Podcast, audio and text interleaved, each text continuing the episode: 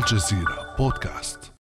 هذه المحاكم الاستعمارية ما بدها ايانا إحنا كفلسطينيين نكون موجود موجودين. بدهم بدهم يخدموا المستوطنين واليهود الإسرائيليين. لذلك مخاوف موجودة لكن يمكن شوية أمل إنه مع الضغط السياسي العالمي اليوم إنه يعني تلجأ إسرائيل لجزئية التأجيل. إنه خلص الناس تنسى إنه في قضية اسمها حي الشيخ جراح في قضية اسمها سلوان. تلك واحدة من خطط الاحتلال الإسرائيلي للمضي في سياسة تهجير سكان حي الشيخ جراح كشفتها أيقونة النضال في هذا الحي منى الكرد فقد رفض المستشار القضائي للاحتلال أفيخاي مندل بليتز التدخل في قضية الشيخ جراح بعد شهر منحه للحكومة الإسرائيلية لشراء الوقت حتى تتراجع وتيرة تهديدات المقاومة الفلسطينية وتتضاءل معها موجة الضغوطات الشعبية والدولية. لكن المسيرة الشعبية عادت بقوة تضامنا مع أهالي حي الشيخ جراح الذي لا مكان فيه للمستوطنين وفق أحمد الطيبي عضو لجنة المتابعة العليا للجماهير العربية. إذا تم إخلاء الشيخ جراح فأنت مسؤول عن أي مواجهة وأي تصعيد. الناس تدافع عن بيوتها عن حقها عن أرضها وهنا في الشيخ جراح لا مكان للمستوطنين لصالحكم ولصالح الجميع فهذه الأرض فلسطينية محتلة فماذا يعني قرار المستشار القضائي للاحتلال الإسرائيلي عدم التدخل في قضية الشيخ جراح؟ وهل تتمكن إسرائيل من تحويل القضية من سياسية إلى نزاع على الملكية تحت السيادة الإسرائيلية وما تبعات ذلك؟ وهل تستطيع الضغوطات الشعبية وتهديدات المقاومة الفلسطينية وقف إخلاء بيوت المقدسيين؟ بعد أمس من الجزيرة بودكاست أنا أمال العريسي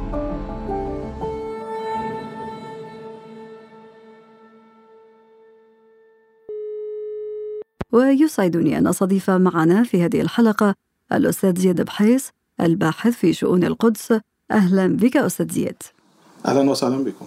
في البداية أستاذ زياد لنوضح ما الأصل التاريخي لادعاء المستوطنين ملكية الشيخ جراح. يعني هناك ثلاثة حقبات تاريخية يجب أن تؤخذ في الاعتبار لهذا الحي. الحقبة الأولى هي التي تأسس فيها الادعاء الاستيطاني وهي خلال نهايات القرن التاسع عشر تحديدا في سنوات نهاية 1860 كانت هناك حالة شاملة تحاول أن تستعيد الصهيونية الدينية وأن تطابق المرويات التوراتية مع الجغرافيا الفلسطينية.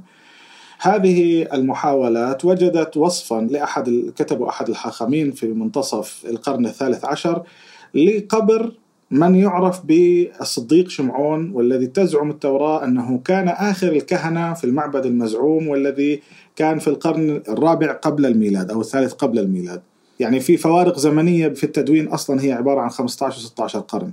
ثم جاءوا في سنة 1860 وقاموا ببحث الرواية تقول أنه هذا القبر موجود في منطقة جبلية فيها أشجار تقع إلى الشمال من موقع المعبد فقط هذا الوصف. الآن جاءوا إلى منطقة القدس وبدأوا يبحثون عن أي حرج فارغ شمالا فوجدوا قبرا في منطقة الشيخ جراح فقالوا هذا قبر الصديق شمعون. بناء على الوصف الذي وجدوه في كتاب يعود للقرن الثالث عشر الميلادي وبالتالي الذي حصل إنه بغض النظر عن أي رواية تاريخية أو اي حقيقة اعتبر هذا قبر الصديق شمعون علما أنه قبر معروف لشخص معروف وهو الشيخ محمد معو الصغير السعدي. وهو الذي أوقف هذه الأرض على ذريته ومساحة هذه الأرض 18 دونم أوقفها بحجتين وقفيتين عثمانيتين، يعني شخصية معروفة، تاريخ معروف، لا يوجد مجاهيل في هذه القصة سوى ان الصهاينة عندما جاءوا بدأوا يخترعون أصبحوا يزورون هذا القبر في عيد يسمى بعيد الشعلة والذي يقع في شهر أيار العبري من كل سنة، وبالتالي بدأ يستحدث شكل من أشكال الاحتفال يأتي إليه اليهود المهاجرون الجدد إلى تلك الأرض وكانوا مهاجرين على أساس ديني في ذلك الوقت. فبدأوا يمرون من فوق المحاصيل التي كانت تزرع في هذه المنطقة، هذه الأرض كانت أرض تعتبر تابعة لأهل شعفاط وتزرع بمحاصيل في ذلك الوقت صيفية تكون، فبدأ الحي أهل شعفاط وأصحاب الملكية الأصلية اللي هم عائلة حجازي وهي وقف ذري لعائلة حجازي يطلبون فقط بدل إتلاف المحاصيل الصيفية التي يدمرها الزوار اليهود عندما يأتون إلى المكان. بعد عدة سنوات بعد ست سنوات من هذه الممارسة اختار زوار اليهود أن يستأجروا هذه الأرض بدل ما يدفعوا رسم الدخول. فجاءوا واستأجروها بأسماء أشخاص منهم لم تكن هيئات ولا جمعيات. جاءوا واستأجروها بأسماء أشخاص بتاريخ 1875 وبموجب ذلك أصبحوا يدخلون إلى المكان دون أن يمروا بهذه المحاصيل. هذا أصل الوجود اليهودي في المكان وهو انتهى عمليا بعد 1929 ثورة البراق لم يعودوا يأتون إلى هذا المكان خوفا من حالة العداء التي نشأت وخوفا من استهدافهم يعني مدته كلها من 1869 إلى 1929 وما هي الحقبة الثانية أستاذ زياد؟ الحقبة الثانية هي الحقبة اللي 1956 عندما كانت هذه الأرض بتصرف الحكومة الأردنية حين أصبحت القدس تحت الإدارة الأردنية. خلال هذه المرحلة الأردن تعامل مع هذه الأرض باعتبارها أرض أميرية أرض عامة.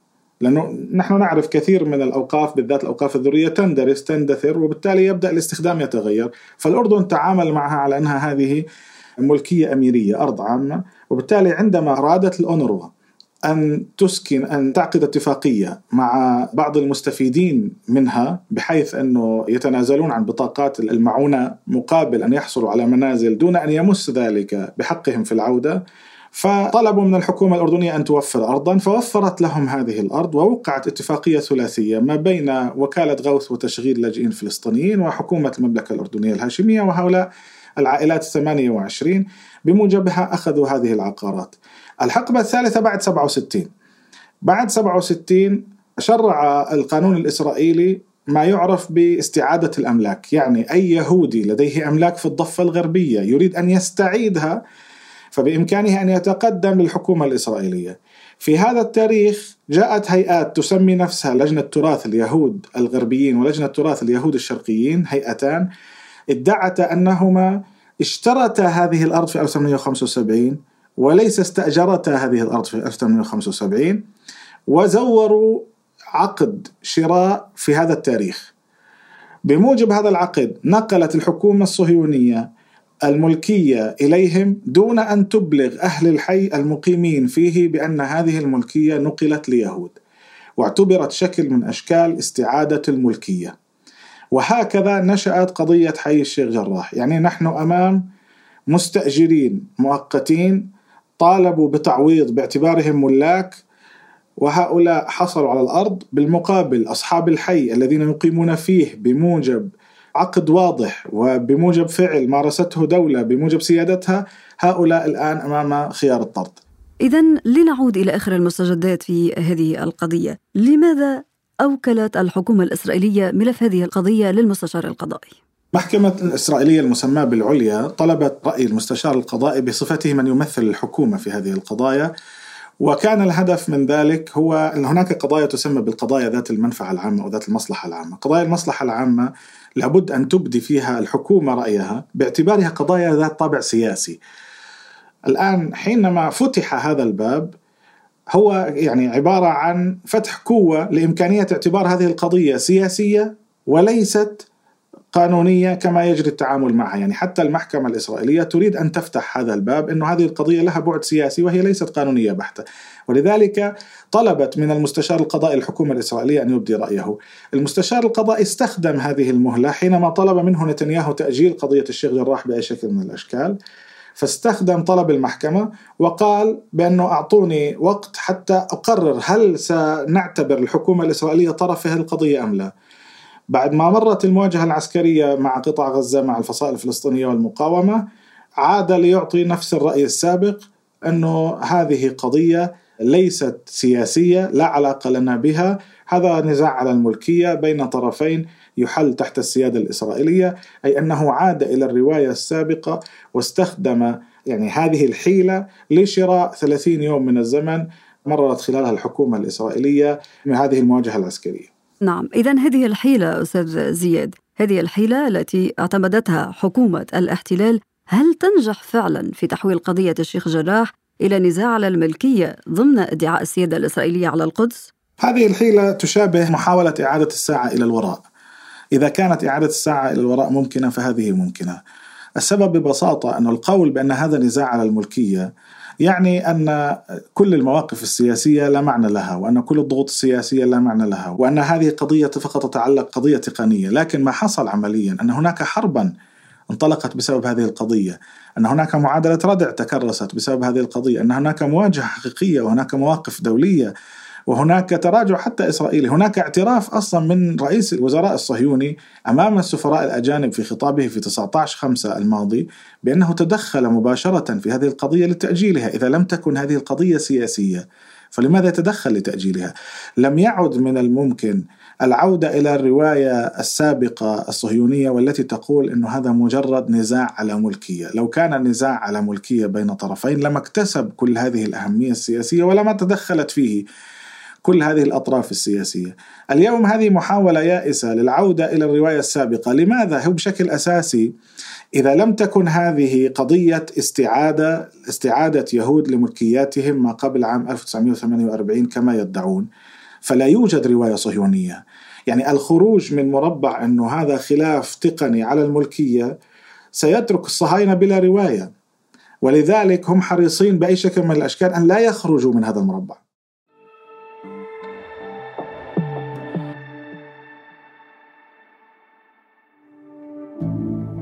ابقى على تواصل مستمر مع الجزيرة بودكاست ولا تنسى تفعيل زر الاشتراك الموجود في تطبيقك لتصلك الحلقات يومياً.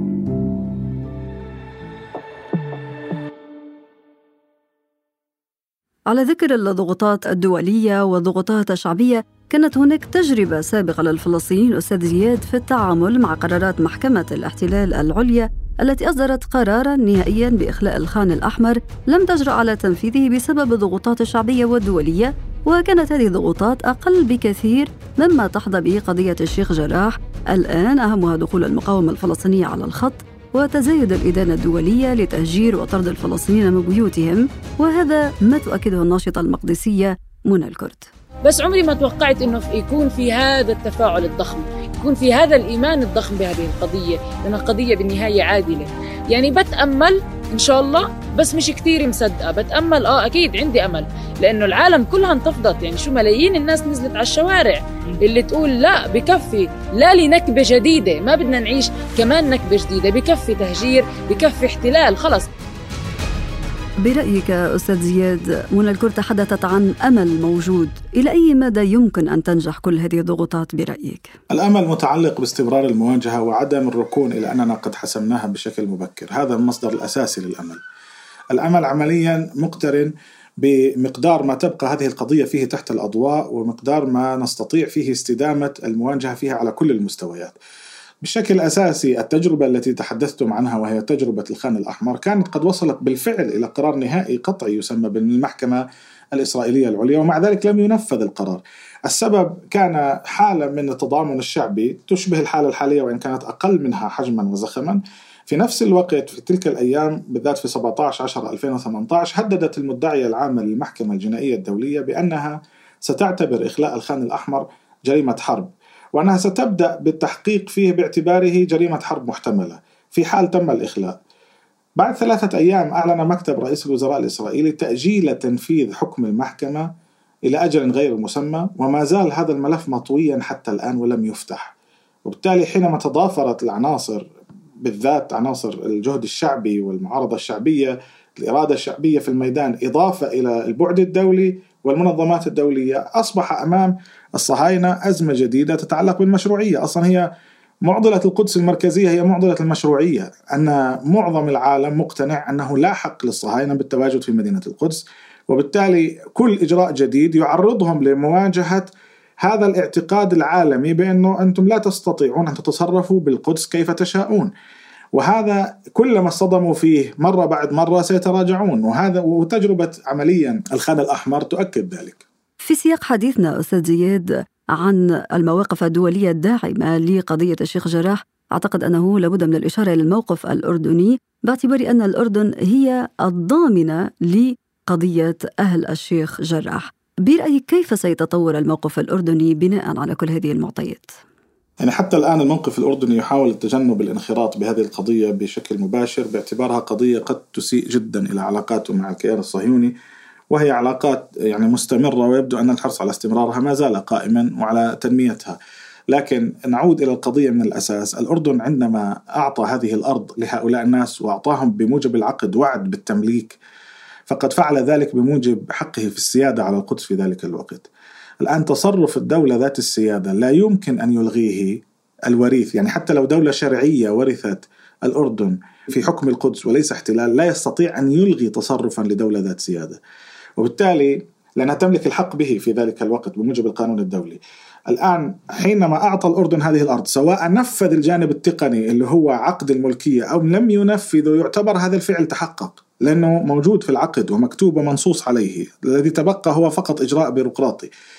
ولذلك فإن الأردن اليوم هو الذي يجب أن يستمر في خوض هذه المعركة إلى جانب أهل الحي لأنه هو الذي ضمن لهم كدولة حقهم في السكن في هذه الأرض. هؤلاء كانوا لاجئين مطرودين من أراضيهم التي احتلت عام 1948 ومن ثم أعطوا هذه الأراضي كبديل عن استفادتهم من الأونروا بضمانة من طرفين هم الحكومة الأردنية ووكالة غوث وتشغيل اللاجئين. إذا ما المطلوب من الأردن؟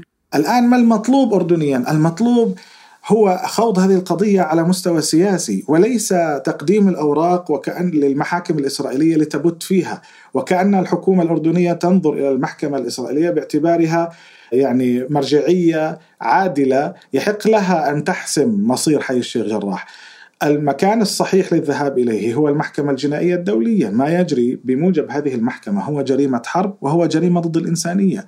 ميثاق روما لعام 1998 يعرف التهجير ونقل السكان من طرف القوة المحتلة باعتباره جريمة حرب وباعتباره جريمة ضد الإنسانية وبالتالي لابد من حمل هذه القضية إلى إلى المحكمة الجنائية الدولية والأردن عضو مؤسس في هذه المحكمة ومن أول المصادقين على ميثاق روما وفي ذلك الوقت عندما تمت المصادقة قيل إنه هذا من أدوات الاشتباك السياسي في ظل المعادله الجديدة إنه نحن لدينا اتفاقية سلام مع الكيان الصهيوني. أستاذ هيد الآن المحكمة الاحتلال الإسرائيلي التي أشرت إليها تواصل النظر في قضية حي الشيخ جراح بناء على البيانات القانونية والمسائل التقنية وحدها إذا ما استمر هذا المسار هل نحن أمام حكم بتهجير أهالي حي الشيخ جراح بعد فترة من الزمن؟